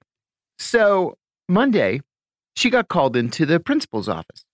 And the principal, Jason St. Pierre, confronted her with a video of her dancing at the party. Now, this is a party that's not on school grounds, right, after school, right. Friday, How old is this girl? private. Uh, the the principal doesn't say how old he is, but Uh-huh. the, the girl is uh, is seventeen. Okay. And um, he said that her dancing showed her not living up to God's ideals. What? Uh huh. So he stripped her of her presidency of the school class, the student class, senior class. He revoked his endorsement of her for a college scholarship wow. and sent her home. So since that meeting, uh, there's been an uprising in the town. Kids walked out of the school in protest. He was condemned by the school board, sued by her parents, and now he says that he's sorry. Uh, he wasn't thinking that that imposing his faith on her would be offensive. He was trying to be helpful to her by Oh, yeah. withdrawing her college scholarship. Oh my God. Uh-huh. And he's taking the rest of the year off to think about what he's done. Yeah, he ought to be. You know, there was a Supreme Sure. Court case about this, like Huh. two years ago, involving a cheerleader. I mean, I don't know. Is, sorry, was this a public school? Or yes, a- public school.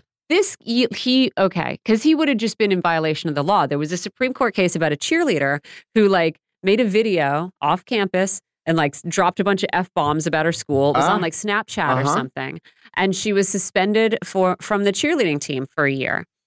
And the case ultimately went to the Supreme Court because they said you can't. This is her free speech. You Uh-huh. can't punish her. She wasn't on campus. Like you don't have the power to regulate or punish her speech, even about the school off campus. And they won.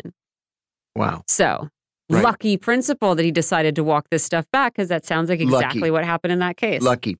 I had a friend years ago who um, became very wealthy, not because of anything she did, but because one day she was driving through a Kmart parking lot and the giant K came dis- uh, dis- uh, detached from the building and it fell on her car and it crushed her car and it gave her a neck injury.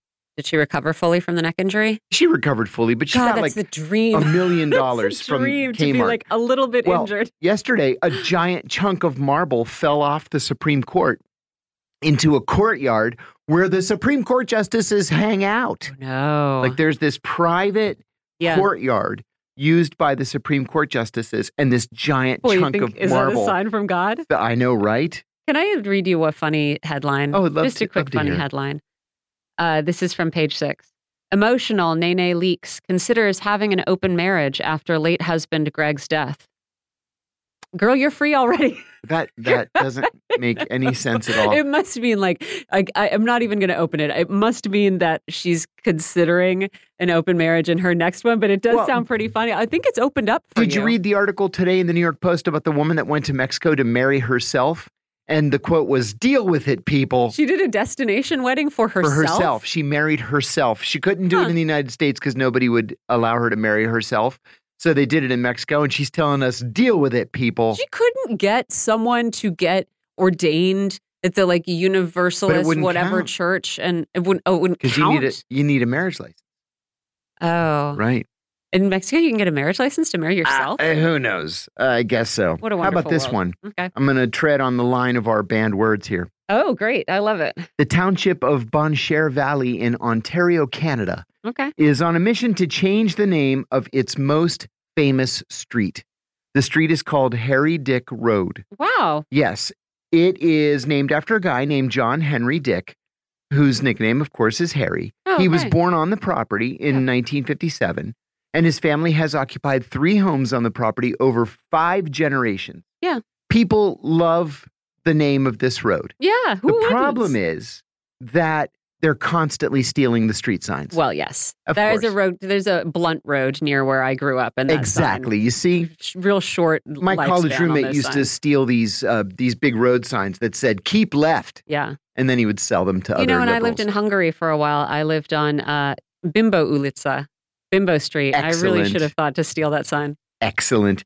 It says officials say the sign is stolen about four times a year. The family installed a security camera, but somebody stole the security camera too. Oh, Um, they said a name change would be a hassle for the family because any legal document with their address on it would have to be changed. Yeah. And they say, just leave us alone. The, the, the quote is great. Harry just says, I want, all I want is some peace and quietness. okay. okay. Some peace and quietness for Yeah. Harry. Hey, did you see that uh, they found Bigfoot in Colorado? I saw the picture. Yeah. But it looks suspiciously like a guy in a Bigfoot costume. in a bunch of tall grass. Yeah, you know, I mean, it looks as, about as good as the other right, not right Patterson, but it's something like that. Grimshaw Patterson. I don't know what it is. yeah. Yeah. yeah. The, oh, they say the couple's account is consistent with other sightings. Okay. Yeah. Good luck. Um, how about this from the Russian region of Sakhalin, which I've always wanted to see. Yeah. It's so remote. Yeah. and then you can sort of fly to North Korea from there if Yeah. you you know have a visa.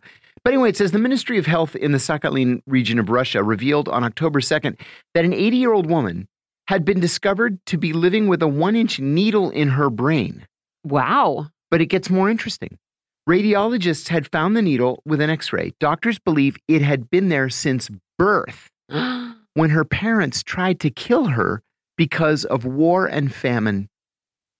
It gives new meaning to the term Zippy the Pinhead on the one hand. On the other hand, if you're going to kill your newborn, uh, why would you do it by sticking a needle in her brain?